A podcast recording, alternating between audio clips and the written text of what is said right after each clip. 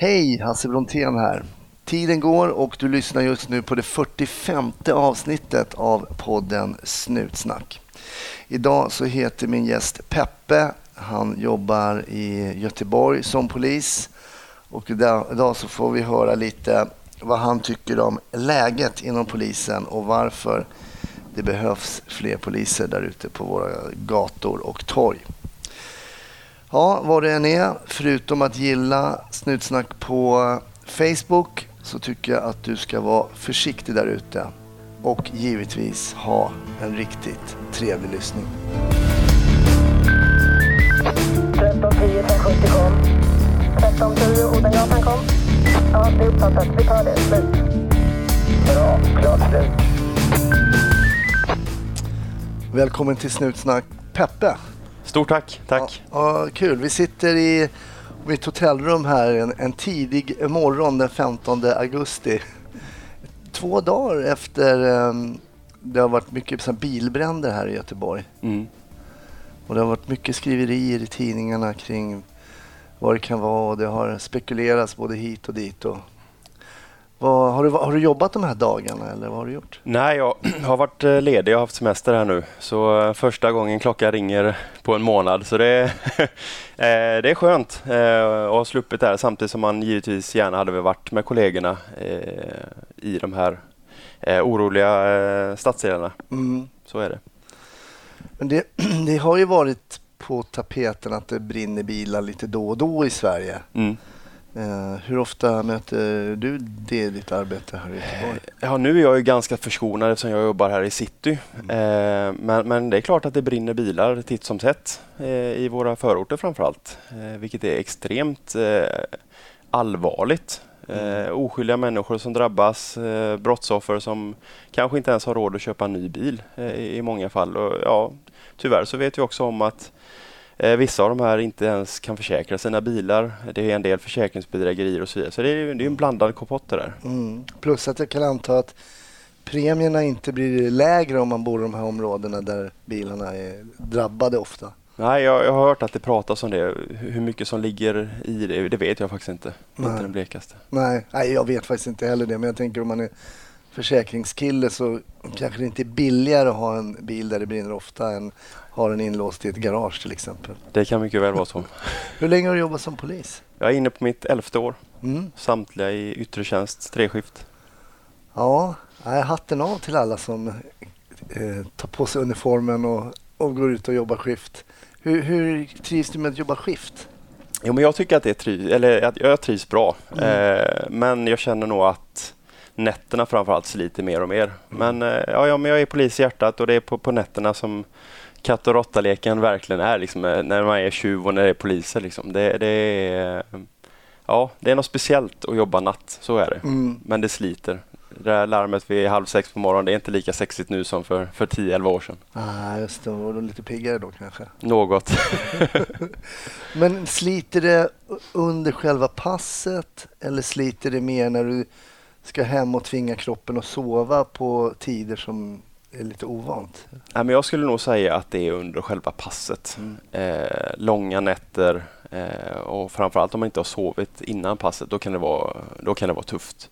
Sen så är det många som upplever att det är svårt att vända tillbaks och så vidare. Jag har inga större problem med det. Men eh, olika scheman, olika personer och olika livsstilar. Mm. Eh, men jag har ett schema som, som passar mig och det funkar absolut. Men hur är det att ha semester som polis? Har du semestrat hemma i Sverige eller har du se- semestrat utomlands? Eller? Du, den här semestern har faktiskt varit bara till att, att landa och komma ner i varv. Eh, Jag twittrar en hel del och det har jag givetvis inte tagit semester ifrån, vilket jag kanske borde. Eh, Men, men själva jobbet säger jag kunnat koppla bort mer eller mindre helt och hållet. Just det, du kan, du kan hitta Peppe på Twitter om du är intresserad av det så är det Peppe underscore Larsson. Stämmer bra. Man Stämmer kan bra. hitta det där du är ganska aktiv som privat polistwittrare kan man säga så. Ja men absolut. Och ja, jag lägger mellan tre och fem timmar per dag dygnet eller året om liksom varje dag. Ja, det så. Så det går väldigt, väldigt mycket tid.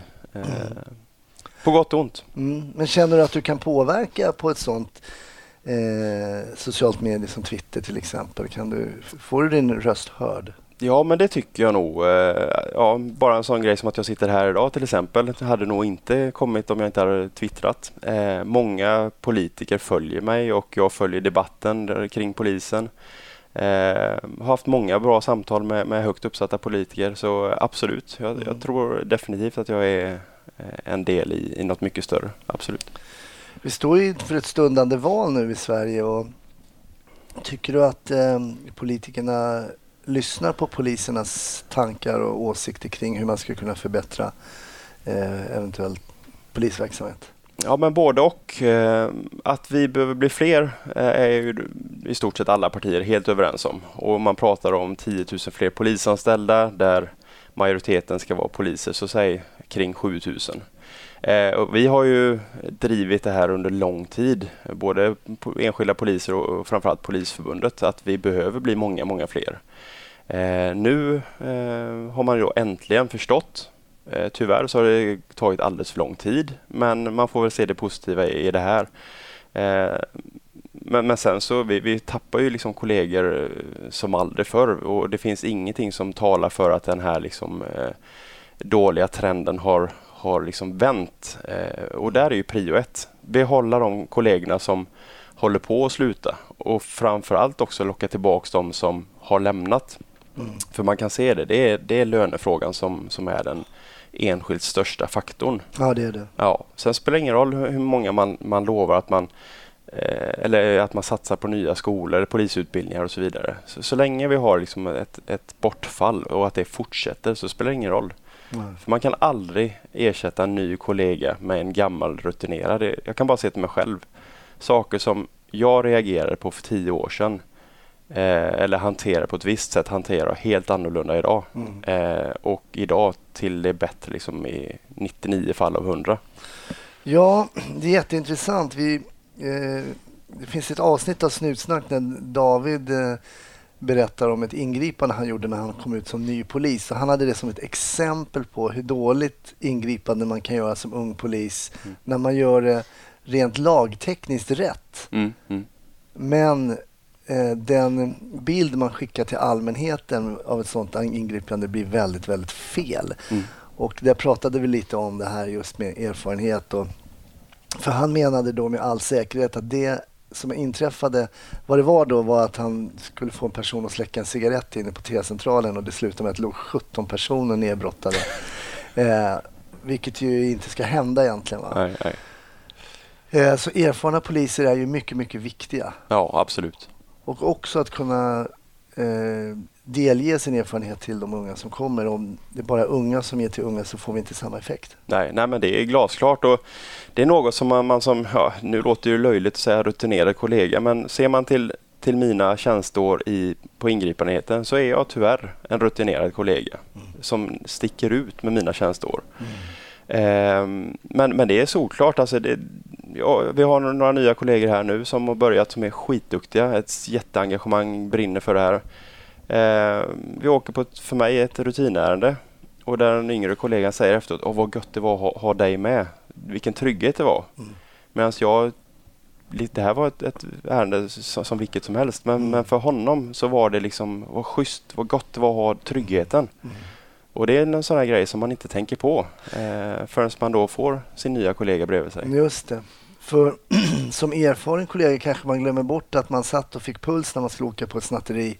Eh, eller bara de enklaste ärenden precis när man Mm. kommer ut. Och, Absolut. och så blev, men varför ville du börja jobba som polis då? Ja, från första början så är det det här klassiska liksom att eh, hjälpa andra, eh, vara en del i ett, något större, lagarbetet, eh, där den ena dagen aldrig den andra lik. Och sen förr så var det också mycket ja, men action och pulshöjare och sådär. Det, var- Mm. det var det som lockade. Mm. Eh, jag har ingen i min familj eller släkt som är poliser utan det här är något Mm. som, jag, som har växt fram. Och, Så du var lite av en snutromantiker när du började? Ja, men absolut. Eh, Det, det, det ska jag inte sticka under stol med. Och, eh, ja, redan när jag var en fyra fem år så ville jag bli polis för då hade jag tydligen, eh, det fick jag som examenspresent här då när jag tog examen, en, en, en bild då med en tjuv och en polis och så en, en polisbil och sen så det, det roliga är att mitt lilla fingeravtryck sitter på den här också så det Ah. vart ju skitroligt alltså. Var gick du på eh, skolan någonstans då? Jag gick upp i Umeå. Ja, du gick upp i Umeå. Jajamän. Längsta tänkbara från Göteborg då? Ja, men precis. På gott och ont.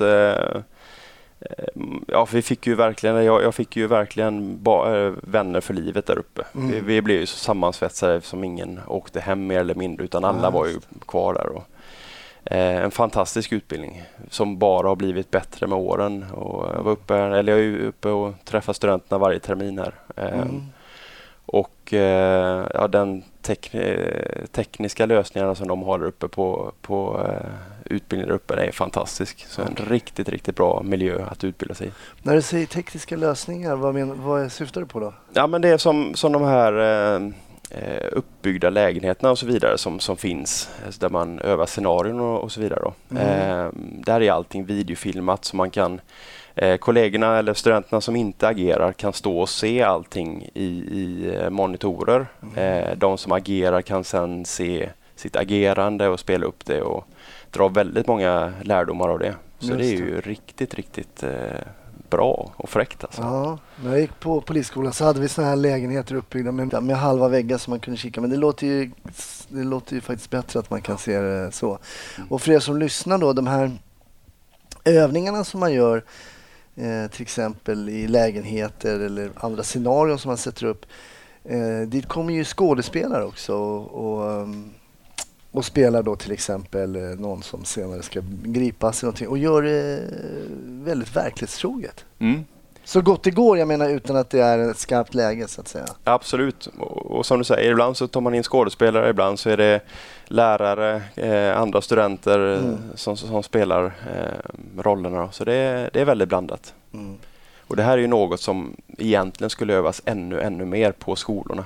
Eh, vilket eh, har dragits ner på i, i, i dagens eh, utbildningar, tyvärr. Mm. Mm. För det är ju det som händer när man kommer ut, att man möter människor, möter människor, möter människor och möter ännu fler människor. För det är väl det polisarbetet går ut på. Jag menar, tänker du som är ute och jobbar i uniform, det, varje jobb är väl ett nytt möte? Ja, men visst är det så. så. Och, det, och det är ju det jag verkligen uppskattar med det här jobbet. Mötena. Det, det är allt ifrån eh, rika privilegierade till, till eh, samhällets baksida, utslagna eh, narkomaner och eh, vad det nu kan vara. Så spektrat är gigantiskt. Eh, och det är, det är det som ger så otroligt mycket. Det är nog det som gör att det tillsammans med kollegorna eh, som gör att, att jag är kvar i det här yrket. Mm. Men själv då, om man tänker på lönebildningen och sådär. Jag vet att du också är engagerad fackligt. Ja, stämmer. Har du funderat på att sluta någon gång? Ja, men det har, jag- det har jag gjort. Eh, men jag landar allt som oftast i att eh, men det, yrket ger väldigt, väldigt mycket. Eh, kollegorna, eh, mötena, alltså kunna hjälpa någon som är utsatt. Det, det finns inget som är bättre. Då kan man stå på Avenyn och höra vilken jävla idiot man är och ditten och datten i, i hundra dagar. Men den där hundraförsta dagen när man verkligen kan göra skillnad. Och nu låter det som att vi aldrig gör skillnad, men det gör vi varje dag. Men just de här liksom ärendena som sticker ut. Det är ju det som gör att, att man fortsätter att brinna för det här yrket. Eh, Men eh, för några år sedan så hade jag inte en tanke på att jag inte skulle gå i pension eh, som polis. Men Mm. jag är inte lika säker idag. Det är så? Ja, tyvärr. Och jag får ju många förfrågningar på Twitter till exempel att kan du rekommendera det här jobbet? Skulle du göra? Då, då, då uppmanar man till att ja, men vi, vi tar ett samtal så ser vi var du står. Eh, Mm. Jag är inte lika säker på att med den kunskapen och vetskapen jag har idag att jag skulle bli polis. Det, så är det tyvärr. Eh, och då frågar folk, ja, men hur kan du säga så? Varför slutar du inte då? Nej, men det blir ett litet gift eh, med allt vad yrket innebär. Men det finns många baksidor också, tyvärr. Mm. Och då pratar jag Eh, att, att vi ibland saknar stöd från polisledningen, eh, från politiker och så vidare. Så det är liksom eh, många olika krig som utspelar sig och vi skulle egentligen tillsammans enade stå upp mot den grova kriminaliteten och kriminaliteten i stort, vilket jag tyvärr inte upplever att vi gör. Nu har vi en ny rikspolischef som jag har allra högsta förtroende för. Jag tror att det kan bli jätte, jättebra när han får tid att sätta sig in i, i, i de här frågorna, vilket tar tid. Det är väl det största hoppet jag har. Jag tror att han kommer ta riktigt många bra beslut här framöver som kommer gynna polisverksamheten. Men för polisen hade ju tidigare en rikspolischef som var ganska hårt kritiserad, Dan Eliasson, som Mm. idag är på MSB. Eh, och sen har man bytt till Anders Thornberg som har en polisiär bakgrund och ehm, eh, en, helt annan, en helt annan bakgrund helt enkelt. Hur, för jag menar, de här cheferna, eller den här chefen, rikspolischefen, sitter ju väldigt, väldigt högt upp i hierarkin. Eh, men hur skulle du säga att det påverkar nere på, mm, på Avenyn så att säga, eh, vad man har för rikspolischef? Ja, men dels så kan man ju se i uttalanden som har gjorts mellan de här bägge. Det skiljer ju jätte- jättemycket. Där den ena, Anders Thornberg, vet precis vad han pratar om, för han har själv stått längst ner.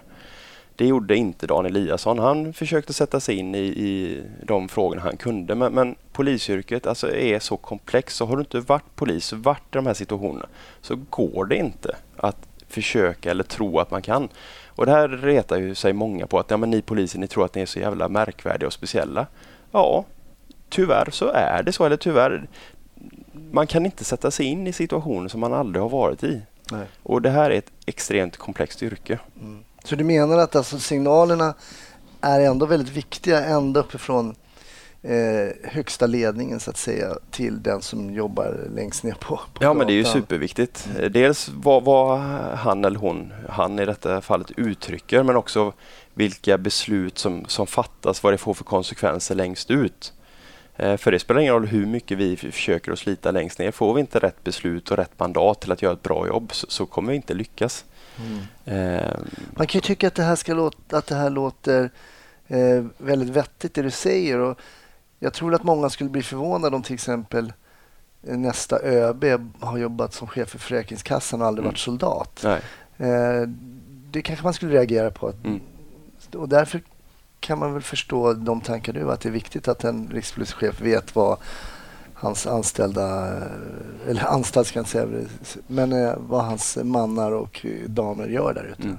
Ja, men det, det, så, så är det absolut. Och det är samma som Ja, men jag har ju fått frågan till exempel att börja jobba fackligt på heltid. Mm. Eh, för det första så brinner jag fortfarande för, för yrket där ute. Eh, men, men det handlar också för, för mig om en förtroendefråga. Ska jag kunna uttala mig hur det ser ut i Nordstan eller på Avenyn och, och så pratar jag om, om ja, hur det var för tio år sedan. Det blir liksom inte trovärdigt. Jag tyckte personligen att det var ganska irriterande med fack, eh, polisfackengagerade som hade varit i facket för länge. Ja, ja. Eh, och som eh, man precis kände hade det surret. Eh, så man visste, vadå du har inte varit ute? Du har Nej, suttit inne och, och liksom, så åker du på någon eh, konferensresa någonstans och, och, och sitter och, och vänder papper. Mm. Så jag tror, att, jag tror att det är viktiga signaler. Absolut. Och sen kan jag ju bara personligen säga att de fackliga företrädarna vi har med, med Lena Nitz i spetsen har en förankring som är super. Jag tycker hon är klockren i sina uttalanden. Även mina fackliga här, här nere i Göteborg. Mm. Jag blir imponerad av att man kan ha så mycket kunskap och vara så påläst hur saker och ting fungerar här och nu. Mm. Trots att man inte varit ute på ett tag. Mm. Eh, för, för jag personligen, eller mig personligen, jag, jag klarar inte av det. Jag, jag tappar, jag, jag tappar liksom saker och ting ganska omgående om jag inte är en del av det. Och eh, det är intressant att du säger att folk tycker att poliser är så märkvärdiga och sådär. Jag har fått jättemycket mejl, det, det kan vara gällande vad som helst, fast det var tio år sedan jag jobbade som polis. Mm. Av- vänner, av komikerkollegor och så. Hur kan du försvara det här, det senaste fallet då, med den här tragiska händelsen när en ung kille blev skjuten uppe i Stockholm? Mm. Jag säger, jag uttalar mig inte om det där, eh, för jag vet inte vad som har hänt. Nej. Men det kommer ju fram oerhört många polisiära experter i samband med sådana här tragiska händelser. Mm. Ehm, som kan väldigt mycket om polisiär taktik och, och hur man kan se och saker i, på nätterna och sånt där. Hur ska man eh, bemöta sånt där egentligen?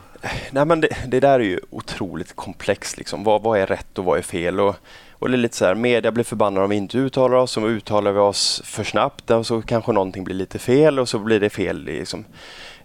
Ja, ingen har varit där. Eh, och jag har varit ganska så aktiv på Twitter till exempel de här, i just det här fallet. Och jag försöker inte försvara utan jag försöker förklara hur vi eller hur man som polis upplever och vad vi kan agera och hur vi agerar och så vidare.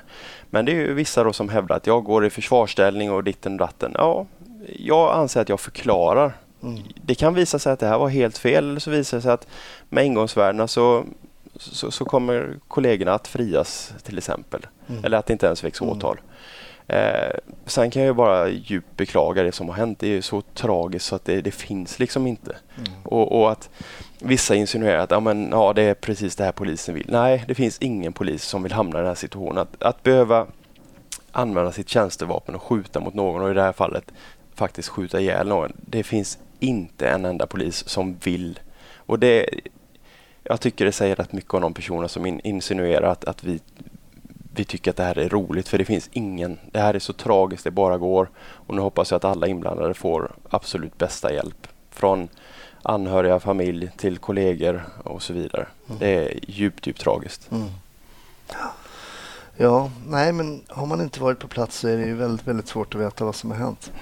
Så är det. Motsvarade förväntningarna en, att komma in så att säga på skolan och börja jobba som polis som du hade innan? Kanske inte när du var fyra år, men, men som vuxen och, och, och, och börja jobba och sådär. Nej, det gör det inte. Eh, jag trodde att Polismyndigheten skulle vara en mycket mer väloljad myndighet. Det är ändå den största myndigheten vi har i Sverige. Att saker och ting skulle... Ja, men att resurserna fanns, det vi behöver, det, det finns. Och nu pratar jag inte saker för flera miljoner utan de här små enkla vardagliga sakerna. Eh, jag trodde inte att vi avrapporterade så otroligt mycket vi, vi, som vi gör. Jag har... Alltså det, det, det mest eh, märkliga jag har varit med om det är en biljakt. Den var i 15 sekunder. Mm. Vi satt och avrapporterade i fem och en halv timme.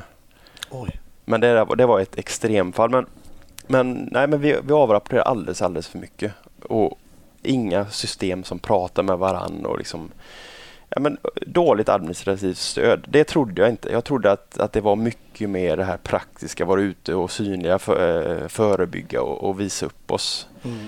Eh, sen så har arbetsmiljön försämrats markant sedan jag blev polis då för knappt 11 år sedan. Jag backar bara tillbaka Mm. där, för jag tror att många lyssnare undrar om man bara kan på, behöver inte gå in i detalj, men om vi säger att du har en biljakt på 15 sekunder som stannar. Hur kan det ta fem och en halv timme? Alltså vad är det man som polis behöver? Såklart måste man ju redogöra då för vad som har hänt och, och så vidare. och så vidare. Men hur, vad är det som behöver dokumenteras så mycket att det tar så lång tid? Hur, I, ja, men I detta intressant. fallet så var det en, en drogpåverkad som körde utan körkort som körde ner en postlåda som, som eh, hade stöldgods i bilen. Så det var ganska mycket grejer som uppdagades. Och då är det först en, en anmälan, eller först och främst så åker vi och blodar och tar urin på den här eh, personen. och det kan ta sin lilla tid då? Det kan ta sin lilla tid. Beroende på var i landet man eh, jobbar så, så vi, har ju, vi är förskonade här. Här tar det ju bara kanske en halvtimme säger från att vi åker till att vi är klara. Mm. Eh, i, andra, I vissa delar av landet så kan du få åka en och en halv timme liksom för att komma till, till en eh, sjuksyra som kan ta proven. Mm. Eh, nej men, dels har vi det. Sen så skulle vi kontakta någon som ser till så att ja, brevlådan kommer upp och en lyktstolpe som det var. Och bara det tar sin lilla tid. Eh, ja, sen så är det PM och det är analysbesked och det är beslagsprotokoll. Ja, alltså det finns otroligt mycket blanketter och ja, men det, det blir nästan lite skrattretande ibland. Mm. Alltså det, Mm. Och där... Jag känner spontant, jag känner ju till de här blanketterna och sådär. Men på min tid satt jag och tryckte ner det där i en skrivmaskin och så skulle vissa så kopior, det var karbon emellan och det skulle både kors och tvärs och allting. Men jag tycker nu när man har eh, datoriserat allting och det ligger digitalt så borde det kunna underlättas. Men det, det, det har inte blivit så mycket effektivare, låter det Nej, nej, nej, det har det inte blivit. Utan jag skulle nog snarare säga tvärtom. Att vi dokumenterar nog förmodligen mer idag än, än eh, tidigare. Och det har ju med rättssäkerheten att göra och den är ju jätteviktig. Den får liksom inte fallera. Mm. Men vi måste kunna se eh, hur vi kan förbättra vår, vår, vår administrativa del. För det, det blir löjligt ibland. Alltså vi, vi sitter ju och skriver ut saker för att sen kopiera och lägga in i olika system. Och Sen så ska man faxa till SOS. Alltså, vet, vi faxar fortfarande 2018, polisen. Liksom. Ehm, nej, men det, det är väldigt konstiga system, tröga system som man med en enkel knapptryckning borde kunna eh, få igenom. Så att skriver du in ett personnummer så skulle du inte behöva göra det en enda gång till. Vi kan skriva in samma personnummer 8-10 gånger. Mm. Nej, det låter ju fruktansvärt onödigt. Bara Ja, en sån grej. Absolut. Ja. Ja, men bra, då fick vi en liten kort förklaring till att det krävs mycket skriveri och olika blanketter och för allting. Då. Ett beslagsprotokoll ska vara en separat grej och så vidare. och så vidare. Så, Mm. ja. Arbetsmiljön var det som jag avbröt det där kring arbetsmiljön. Du sa att den hade försämrats sen du började jobba. På vilket sätt har den försämrats? Ja, dels så är vi ju färre poliser i yttre tjänst så, så arbetsbördan för oss som jobbar har blivit tuffare. Eh, fler larm, eh, grövre brottslighet eller, och grövre våld och hot som vi möts av. Eh, förr så var det mer eller mindre så att när vi kom på plats då upphörde saker och ting. Mm. Men nu när vi kom på plats idag så är det nästan så som, ja, då är då att attackerna börjar ske. Vi ser nu senast här nu i, eh, ja, men i Göteborg här där, där man beskriver att gatsten och molotovcocktails, alltså eh, brandbomber, Mm. eh, fanns på vissa platser redo att kastas på oss när vi kommer in i, i områden. Och det här är ju vardagsmat för kollegorna uppe i Stockholm till exempel. Vi har det tyvärr, eller tack och lov, inte lika mycket här i Göteborg. Men när man pratar med kollegor, det här alltså det, det är ju våldsamma upplopp. Ja, inte varje dag men åtminstone någon gång eller ett par eh, gånger i, i veckan till och med, eller i månaden. Eh, och mycket av de här, det kommer inte fram, det skrivs inte. Mm. På gott och ont. Eh, det finns kollegor som skulle kunna berätta hur mycket som helst. Mm. Eh, och jag tror inte att gemene man hade förstått hur, hur illa det är på vissa områden. I vissa områden. Men hur är känslan att åka till jobbet när man vet att man har det här hängande över sig? Att det finns lite för lite kollegor och om man trycker på larmknappen så finns det kanske inte folk att tillgå på vissa ställen som borde vara där. Mm. Hur, hur är den känslan? Ja men det sliter. Eh, just den här känslan att aldrig egentligen kunna känna att man är tillräcklig. Det tycker jag är jättejobbigt och det vet jag många kollegor med mig som känner likadant. Eh, nu som sagt, jag är, vi har det bra här i Göteborg. När vi trycker på larmknappen då kommer kollegor. Men vi har ju kollegor, vi, du kan ju bara åka ut till Borås som är sex mil härifrån. Mm. Eh, är du ute på vischan där, du kan trycka på larmet och i bästa fall så har du en kollega med lite oflyt om, inom en halvtimme. Åker du ännu högre upp i landet då kan vi prata två, tre timmar. Eh, för vi är alldeles för få. Vi är, ja, jag kommer inte prata siffror men, men om folk skulle veta hur många som, som jobbar här till exempel på ingripandenheten i Göteborg under ett pass eller uppe i Stockholm eller var du än är. Folk hade inte trott på det. Vi Ja. är så få. Mm. Och det, här har vi, alltså det har ju blivit färre med åren. Förr så när man pratar med kollegor som jobbar ute för 15-20 år sedan.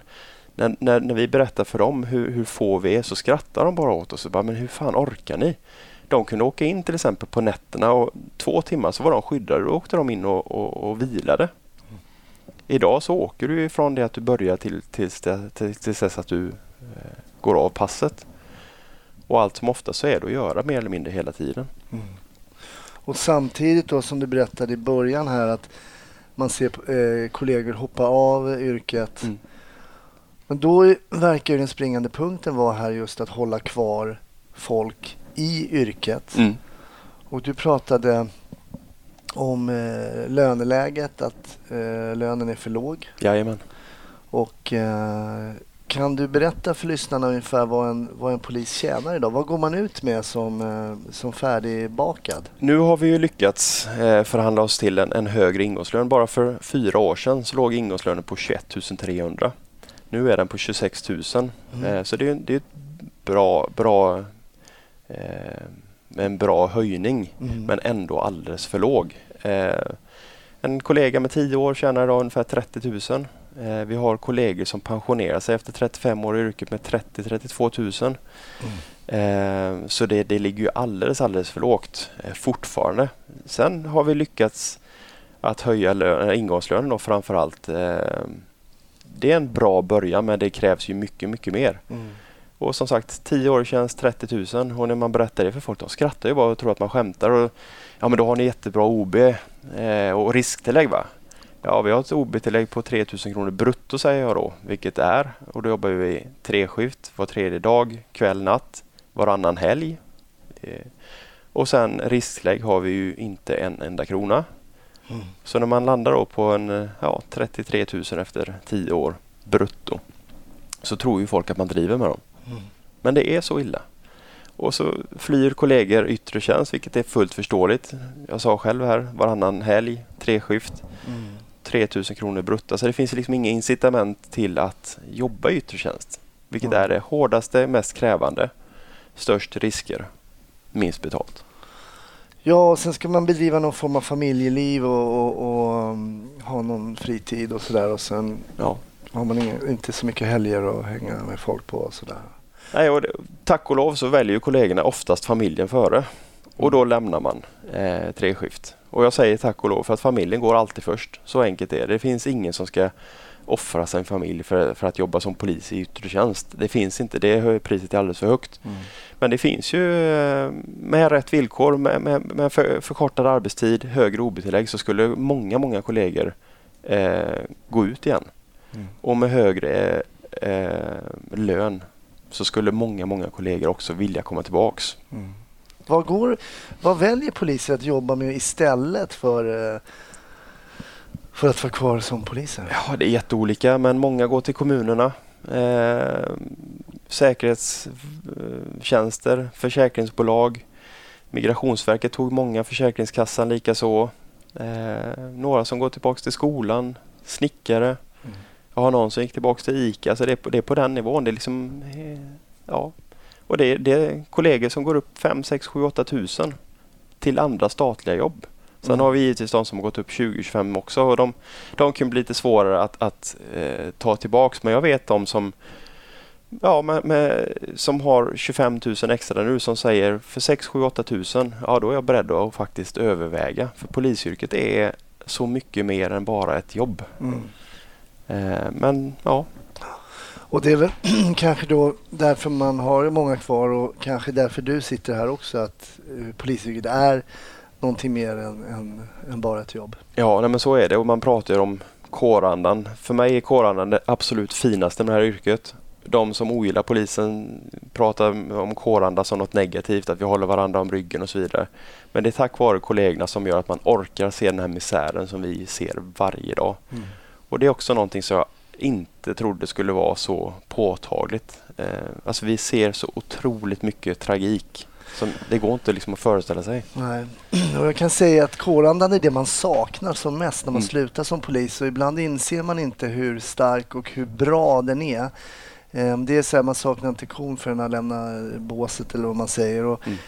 och det är någonting som när folk frågar mig vad saknar jag saknar mina kollegor. Ja. Ja, men det, det, det är en... Det, det är helt otroligt Ja. alltså. Och- Och jargongen och humorn. Alltså nu är jag bara som komiker, men komiker är känsliga små varelser med stora ögon. Alltså, men att skämta bland poliser, där kunde man... Det kunde vara högt i tak och man förstår varandra och så vidare. Och så vidare. Mm. Så att det, det är någonting som jag kan skriva under på att man saknar. Ja, jo det, det, är en, det är en fantastisk känsla och ja, det är svårt att, att förstå när man inte har varit där. Men, men ja, ett riktigt sammansvetsat fotbollslag, det är liksom det närmaste man kan komma. Ett Mm. hockeylag som, som med blod, svett och tårar gör allt för att liksom vinna kuppen eller serien. Eh, och så förstärker man det gånger x antal så hamnar man i ett turlag på polisen. Ja, och vi, det, det blir en homogen grupp därför att vi vet yrket, vi kan yrket. Nu säger jag vi också. Ja, ja, ja men det är härligt. Jag brukar alltid försvara mig när folk säger att jag ska stå och svara jag jobbar inte som polis, men nu plötsligt verkar det som att jag gör det.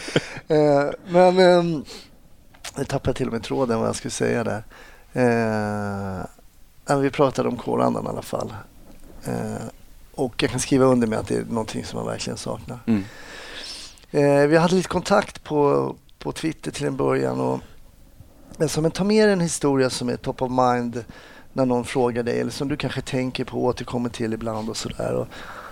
Som rätt många som jag har frågat om de var med på så ah, men jag vet inte riktigt vad jag ska... Och, och så vet jag ju, jag vet ju, du sitter här med 10-11 års tjänst så det är klart att du har en massa historier. Men har du, har du klurat ut någon? Ja, men jag har en eh, och det är kanske inte det här supercoola ärendet eh, eller som, som verkligen var, nå- var något sånt där extra för gemene man. Men för mig som, som då, ja men jag, jag tycker om lagspel. Jag tycker om civilkurage, jag tycker om möten med människor. Så det här blev liksom en speciell grej för mig och det, det var när jag jobbade i Borås. Eh, vilket var ett ganska stort område och vi var lite folk i yttre tjänst och framförallt minibemanning som är låg. Så var det i ett, ett samhälle, de hade liksom ett byalag som, som eh, åkte runt där och patrullerade om nätterna till exempel. Då.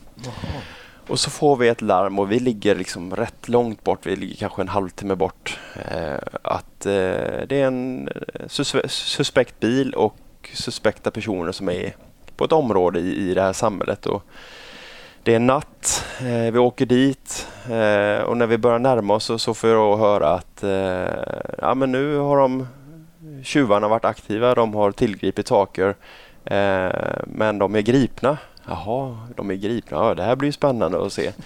Och när vi kommer då till det här samhället och rullar in där med vår bil så möts vi upp av, ja, men jag vet inte hur många personer som de står och pekar och gestikulerar. Och, ja, in på en skogsväg då så har de gripit två tjuvar som sitter liksom färdigpaketerade och klara. Och godset ligger vid sidan av och deras flyktbil står liksom eh, väl eh, inboxad där.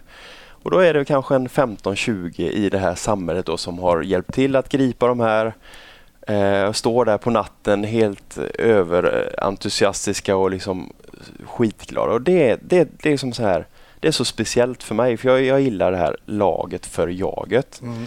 Jag gillar civilkurage. Det finns inget bättre än folk som hjälper oss att ingripa eh, utefter de förutsättningar man har. Och sen, ja, utan de här så hade ju tjuvarna gått fria och vi hade ju aldrig tagit de här, det kan jag lova. Eh, så där är en, det är en grej som verkligen har fastnat. Det, det, ja, men det är möten, det är civilkurage, mm. det är liksom, ja, jag gillar det. Men vad händer? Jag, menar, jag tänker för folk som lyssnar, får man gripa någon när man inte är polis? Och, och i, vilket, i, vilket, um, I vilket fall får man göra det? Ja, och vad hade hänt mer specifikt här? Vad hade de tillgripit? Vad var det för någonting? Ja, här var det eh, Eh, material från ett, eh, ett företag på ett relativt stort belopp. Så det var liksom inga konstigheter. Men om jag inte är ute och cyklar här nu så är det ju, när man envarsgriper så är det ju att fängelse ska finnas i straffskalan eh, för, att, för att du ska kunna ingripa. Och, och då är det ofta så här, hur mycket våld får jag ta till och så vidare. Och, och det, är, det är svårt att säga för det ska vara proportionerligt och skäligt. Liksom. Och, och vad, vad, det är, ja men det beror helt på, på brottets dignitet, och vilket våld man eventuellt kanske möts av och så vidare. Mm. Och jag får ofta den här frågan på Twitter, att, men hur mycket får jag göra? Ja, det är svårt att säga och det finns en frustration i det. Men allmänt sunt förnuft så kommer man långt och kan man alltid motivera varför så brukar det ofta gå bra. Mm. Eh, och man behöver inte alltid fysiskt ingripa utan man kan ringa oss och man kan följa efter på avstånd. För mm. det finns inget värre eller mer frustrerande än någon har ringt in att, om ett inbrott till exempel. Mm. Ja, och vart, nu, nu lämnar personerna och ja, vart lämnar de? Ja, det vet jag inte för jag vågar inte följa efter. Mm. Ja, men då hamnar vi liksom, ja ingångsvärdet är bra, vi har en uppringare men det faller liksom lika platt där. Om man bara kan till exempel få, ja, men de hoppat in i den här bilen, de körde vidare på den gatan eller de, i den riktningen. Mm. Redan där har man ju gjort väldigt, väldigt mycket för oss. Mm. Eh, men många är väldigt rädda för att, för att hjälpa till. Mm. Och det är inte så farligt att hjälpa till. Och nu kommer jag ju få Twitter på mig här, för, för man har ju hört om folk som drar knivar. Ja, det händer. Mm. Men väldigt, väldigt sällan. Eh, Just det. Man, men man kan ju också vara lite på avstånd så att säga. Ja, ja visst. Man, man behöver inte fysiskt ingripa utan ringa och, och följa efter på avstånd. Mm. Då är man ju trygg. Mm. Och så kan vi då komma på plats och ingripa. Det är det absolut bästa. För då tar man Jag tänker på att du säger att det ska vara fängelsestraff. Ska det vara på bar gärning också? Ja, precis. Jag tror det ska vara på bar gärning. Stämmer ja. bra. Men det här säger ju någonting också. Eh, den här händelsen du berättar här i Borås. Bara att då man har någon sån här night watch mm. ute mm. eh, säger ju någonting om läget, det polisiära läget. Ja, ja visst, absolut. Ja, men... Varför befinner sig folk ute och spanar på nätterna mm. i områden där eventuellt tjuvar kan vara? Jo, för att det inte finns några poliser. Exakt. Och det är ju i sig väldigt, väldigt oroande. Mm. Det är ju, eller oroande, det är katastrof. Det är fullständigt oacceptabelt att vi eller, ska vara beroende av, av frivilliga som gör det här på sin fritid. Mm. Eh, men men det, är ju, det är ju ett väldigt starkt tecken på att vi är för få. Mm. Vi klarar inte av det. Eh, så det blir inte tydligare än så. Nej. Tyvärr. Men eh, ja, nu börjar politikerna att förstå att vi behöver bli fler. Sen är frågan, räcker det med 7000 till? Ja, det, det återstår att se men, men vi kommer alla ha att göra. Det kommer inte vara som så att 2000 man kommer sitta på, på arslet här utan vi kommer alla kunna sätta in de här eh, blivande poliserna och även polisanställda till att gå in och verka från dag ett och det kommer liksom eh, finnas uppgifter. Vi, vi skulle kunna dubbla varje turlag i hela Sverige och vi hade alla haft att göra. Vi hade till och med kunnat förebygga saker och ting, vilket vi knappt gör idag. Mm. Vi skulle kunna vara ute på skolorna och informera, få en, en bra bild av polisen redan i tidigt stadie. Mm. Vi skulle också kunna vara ute på skolorna för att ja, visa upp oss, få eh, blivande kollegor till att söka. Mm. Det är ju det bästa uppsamlingsområdet vi har. Skolorna. Vi, där är vi inte. Jag som är eh, några år äldre, jag kommer ihåg, vi hade ju polisen, jag tror de var i varje, om man gick i tredje klass eller någonting så hade man något som hette säker cykel. Jajamän. jag kommer ihåg den. Ja. Och då kom det ut en polis till klassrummet och berättade om att man ska, hur man cyklar. Mm. Eh, hur man ska tänka på att räcka ut handen och man ska vara så. Och sen gick de ut och tittade på en cykel. Mm. Mm. Hade man fått ta med sin cykel till skolan så skulle då, eh, då gick den igenom besiktning. Ja. och då tittade man så här, ja men du har lampa och du har reflex och det var det var. Och så fick man en, ett klistermärke där det stod Exakt. säker cykel. Exakt. Och det var väl eh, en av de första mötena med polisen som jag hade. Nu jobbade min pappa som polis men det kändes ju inte som ett, ett ständigt polismöte. Men Mm. det här var ju det första så- och det var ju ganska spännande. Och som jag kommer ihåg, jag kan komma ihåg den här polisen än idag att han hade skägg och var lite Mm. eh, bullrig men trevlig. Liksom. Men det där kan, gör ni inte idag alltså? Eh, nej, det gör vi inte. Det finns inte resurser. Eller rätt sagt, resurserna finns men man väljer inte att prioritera det. Eh, för dagtid så tycker jag absolut att vi ska kunna vara på skolorna. Vissa områden eh, har det absolut, eh, Mm. men den största eh, majoriteten av kollegorna finns inte i skolorna. Mm.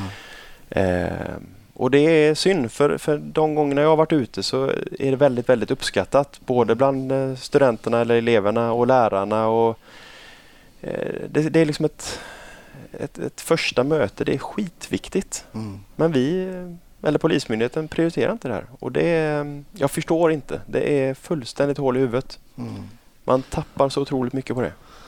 För det är ju väldigt lätt att få en skev bild av poliser och polismyndigheter när man aldrig möter poliser, när man får det via ryktesspridning Exakt. eh, och eh, så här mun till mun om vad som har hänt. Liksom. Men när man verkligen kan få prata med poliser och, och umgås och bara alltid det här mötet med människor skapar ju liksom band. Mm.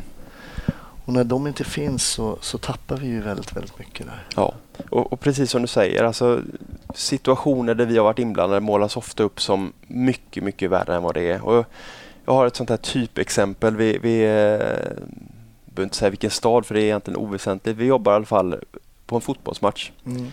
Omhändertar ett par personer. Eh, ja, men de är lite stökiga. Vi får ta, liksom, ta tag i dem handgripligen, men inget mer än så. Sätter dem i våra bussar och så transporterar vi iväg dem.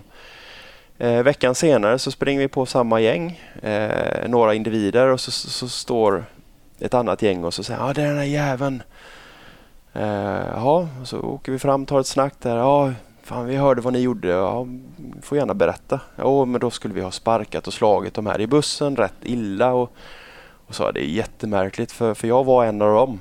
Eh, och det är ju din vän här som, som också, det är ju det är honom vi har omhändertagit. Så du kan ju gärna ställa frågan liksom, vad, vad var det som hände? Och jag har aldrig sett någon skämmas så otroligt mycket. Och det var rätt skönt att se hans ansiktsförlust där när alla andra förstod hur han hade målat upp det här som något mycket, mycket värre än vad det var. Mm. Eh, men det är ett sånt typexempel. En, en liten grej blir mycket större för att man ska vara lite tuff i sitt coola gäng där då.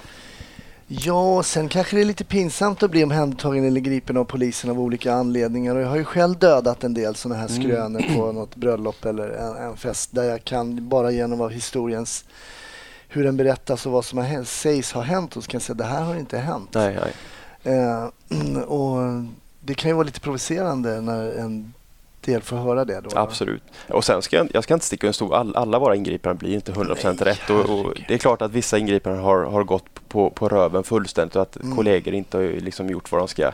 Det är inte det jag säger, men, men i de allra flesta fallen så är liksom, nej, det är verkligen en höna av en fjäder. Ja, nej, det har funnits urusla poliser. Det finns urusla och det kommer att komma poliser som är totalt olämpliga att vara i yrket. Men de ska ju bort. Ja. Och det finns ju ingen anledning för poliser som jobbar att ha dem i kåren. Nej, men det är, det är ingen som gynnas av detta och liksom det, nej.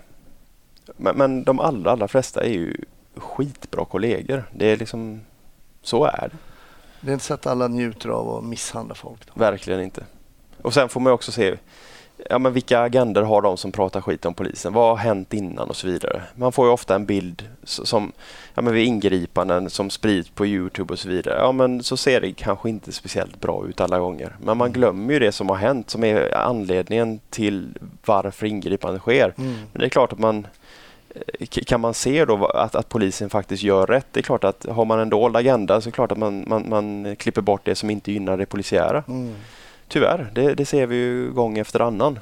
Eh, men det är något vi får leva med Jag tyvärr. hittade ett konto på Instagram, jag ska inte säga vad det heter för det är så uselt. Men eh, det handlar om all brutalitet då som sker av svensk polis. Mm, mm. Och det ska ju då filmas och läggas upp. Men det finns inte en enda, med alla mobilkameror som finns idag, med alla GoPros och allting, så har man inte lyckats hosta upp den här, eh, det här övervåldet då som ständigt finns. Och det är lite märkligt kan man tycka. Mm.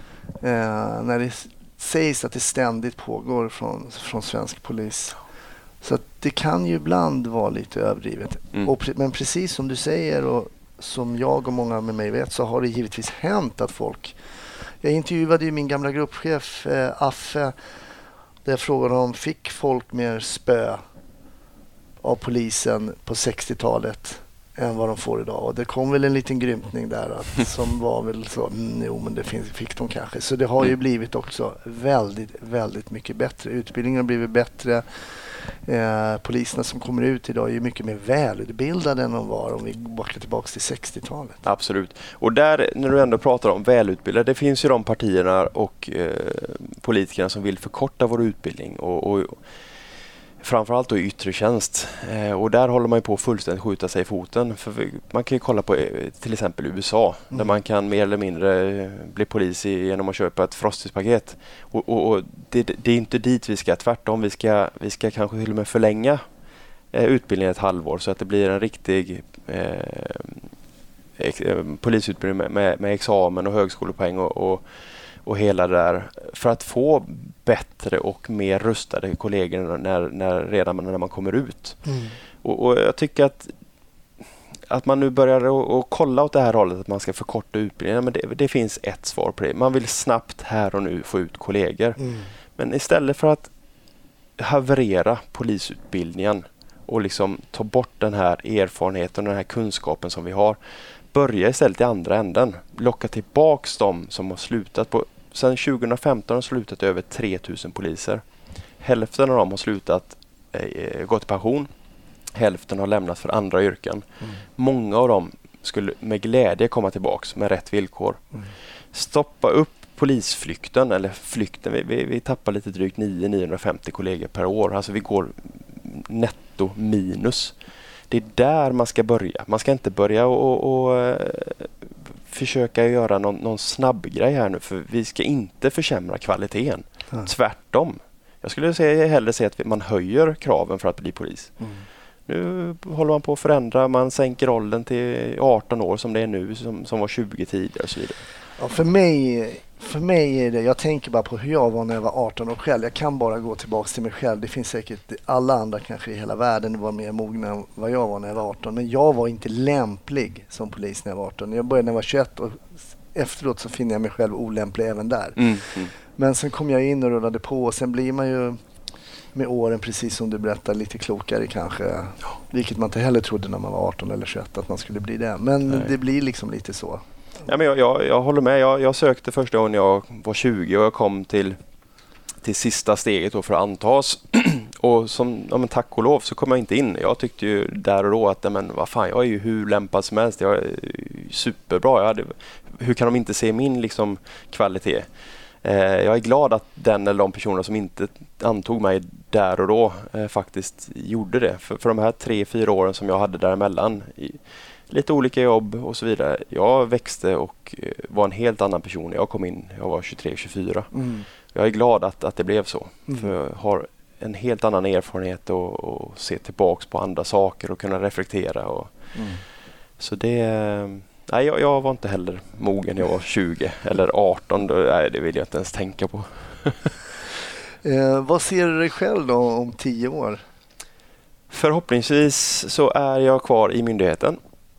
Jag säger förhoppningsvis för jag är inte säker. Eh, jag hoppas att villkoren har blivit så bra så att kollegorna är nöjda så att vi kan liksom en gång för alla sluta upp med det här missnöjda eh, över löner och arbetsvillkor och arbetsmiljö och så vidare. Att vi har lockat kollegor till yrket så att vi faktiskt känner att vi kan genomarbeta varje ärende vi är på. Eh, och känner jag mig själv rätt, om jag nu är kvar på polisen så kommer jag sitta i en radiobil mm. som en av få eh, i dagens läge, men då vad blir det, 20 år. eh, jag är tyvärr, som jag sa, ganska unik redan idag med mina snart 11 år. Eh, alltså det var ju coolt med de här gamla stötarna som... Eh, ja, men, du kommer ju bli en sån då om du är kvar. Ja. Man såg ju oerhört mycket upp till dem. Man insåg ju vilken oerhörd erfarenhet de hade som hade suttit i radiobil i 20 år. Alltså. Mm. Ja, det, det, man har varit med om rätt mycket och det känner jag bara på de här åren som jag har varit. Alltså, mm. Ja, det, det finns hur mycket som helst. Det mm. tar liksom aldrig slut. Och, mm. Ja, nej, det är allt ifrån vapendrag till biljakter till att mm. hjälpa eh, bortsprungna katter och tanter och gubbar. Och, nej, det finns spektrat är gigantiskt.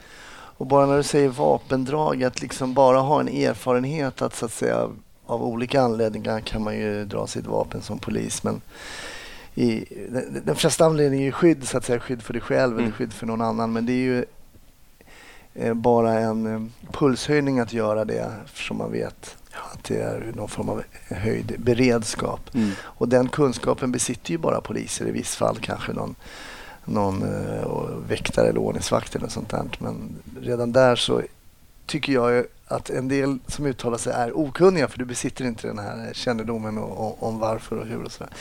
Men vi, vi, är ju inför ett, vi står inför ett eh, riksdagsval nu här i september och vad skulle du som polis vilja skicka för signaler till de politiska partierna för att eh, kunna räta upp den här skutan lite grann som ju väl alla är överens om egentligen håller på liksom och, och, och småkapsejsa lite grann. Ja, men det är väl några. Framförallt att, att man det, det, som är bra det är att man nu förhoppningsvis har enats om att vi behöver bli 10 000 fler polisanställda. Majoriteten poliser. Det är väldigt, väldigt bra. Mm. Eh, sen jag, jag är ju less på den här pajkastningen som är hela, hela tiden. Utan om man skippar den och faktiskt försöker att enas. Man, man försöker enas om en riktig polisutbildning där jag vill då se en riktig högskoleutbildning med examen. Eh, där vi kan få in mer praktik, eh, där vi kan få kollegor som är bättre rustade när man kommer ut. Att man gemensamt här och nu höjer våra löner. Eh, för det behövs. Det kan inte vänta ett, två, tre, fyra år. För eftersom vi inte får, får slut på den här flykten från yrket så är det absolut viktigaste här och nu, en gång för alla. Höj lönen, behåll kompetensen, bygg på erfarenheten som finns. Så det, det är egentligen de, de, absolut viktigaste och sen givetvis då höj, eh, höj OB-tillägget, minska arbetstiden för, för kollegorna i, som jobbar i yttre tjänst, treskift framförallt då. Mm. Så att vi får kollegor med erfarenhet där ute som är det viktigaste och farligaste yrket eller eh, avdelningen mm. eller enheten. Mm. Eh, det är otroligt viktigt.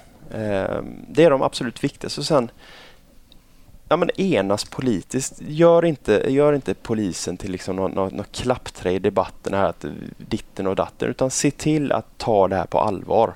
Sätt er ner gemensamt och kom överens om lösningar. Och givetvis säger jag att ta med polisledningen och Polisförbundet som kan de här frågorna. Mm.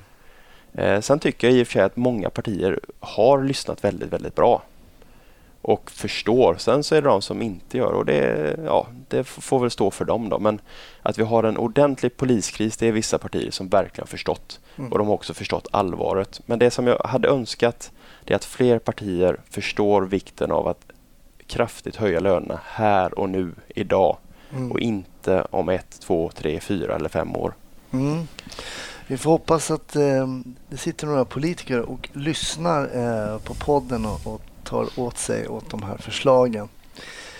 Men nu har du varit på semester, ska tillbaks. Ja.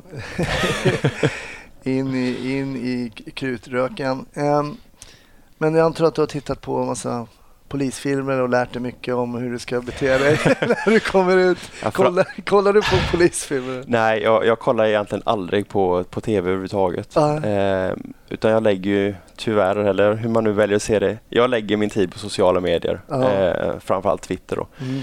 Och jag har ju lärt mig av väldigt många läktarexperter precis hur jag ska agera i vissa situationer. Så jag får väl, eh, ja, jag- tar min kunskap från, från läktarexperterna helt enkelt. Så du, ja, du jämför lite läktarexperterna då, eh, inom eh, polis, polisfilm och eh, på Twitter, att de är ungefär lika kunniga då eller? Det skulle jag nog vilja säga ja. ja. Men i övrigt då, om du förkovrar dig, förkovrar du någon gång utanför eh, de sociala medierna? Om man, eh, eh, alltså, kollar du på film överhuvudtaget till exempel? Eller? Nej, väldigt sällan. Nej. Väldigt, väldigt sällan. Mm. Så du har inte ens någon rekommendation att alltså, komma med om någon ska, någon bara, men vänta nu, han Peppe, han, han kunde inte ens säga en enda film. Nej, alltså filmer, nej, fi- filmer är inte min grej. Men ska man se någon, någon, någon serie eller någonting som, som försöker att skildra polisyrket så, så bra det går så skulle jag rekommendera Stockholmspolisen Mm. som gick här i, ja det var väl i våras va? Mm. Eh, jag tror att den ligger på SVT Play om jag inte är ute och cyklar. Eller om det var fyran Jag kanske. tror det var TV4 Ja. faktiskt. Då, då var det så. Den, den är... eh, Ja, det, det är väl det programmet som bäst beskriver vår vardag men ändå inte är helt nära verkligheten trots att man är ute i verkligheten. Mm.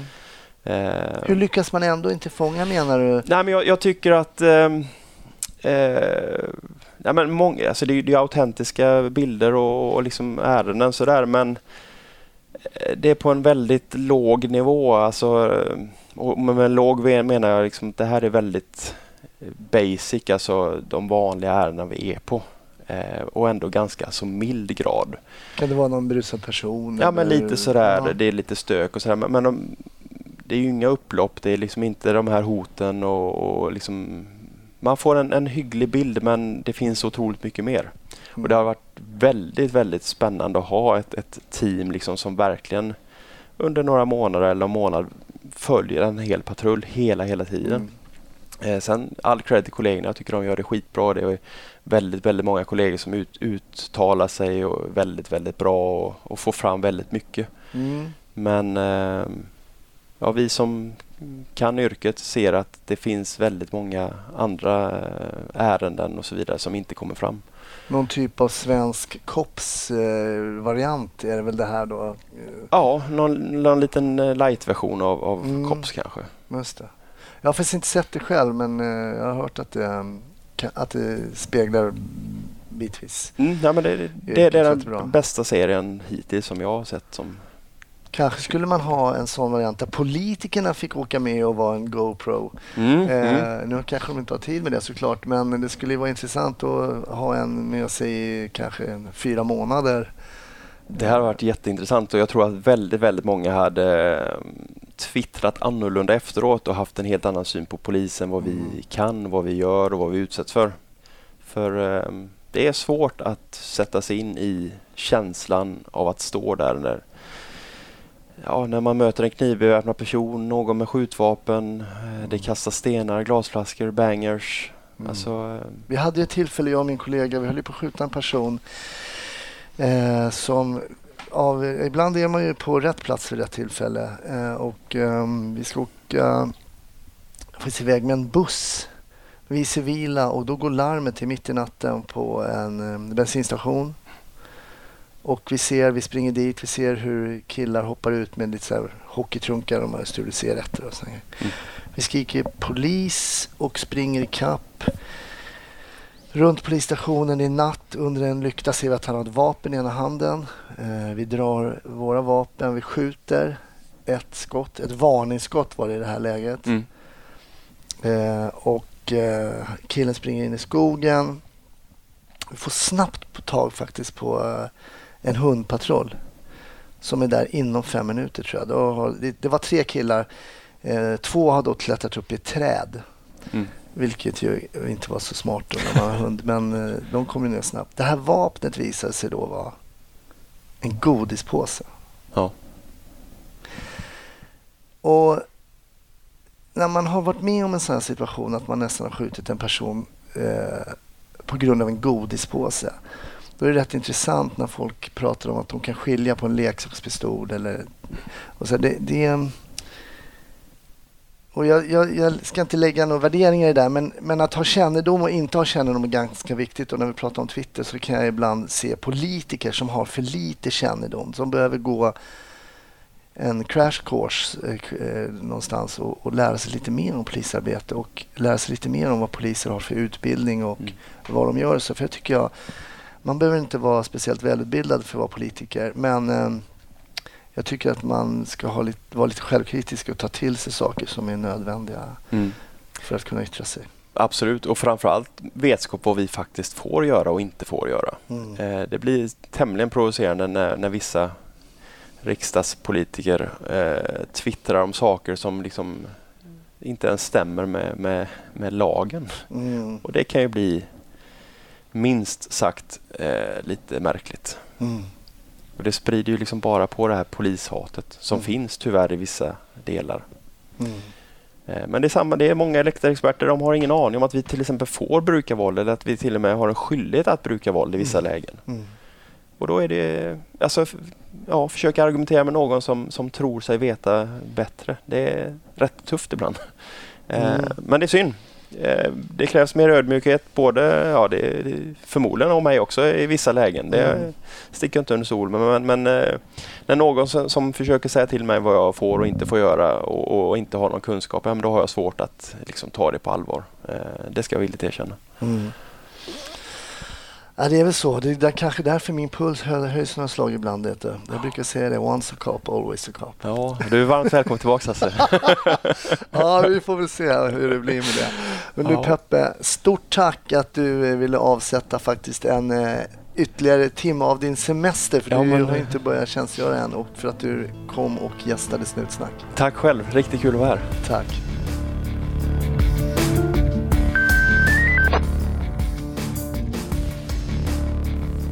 Tack för att du lyssnade på det här avsnittet av Snutsnack. Glöm inte att gilla oss på Facebook. Mig, Hasse Brontén, når du via sociala medier, Twitter, Instagram och Facebook. Ta det lugnt den här veckan så hörs vi nästa. Ha det fint.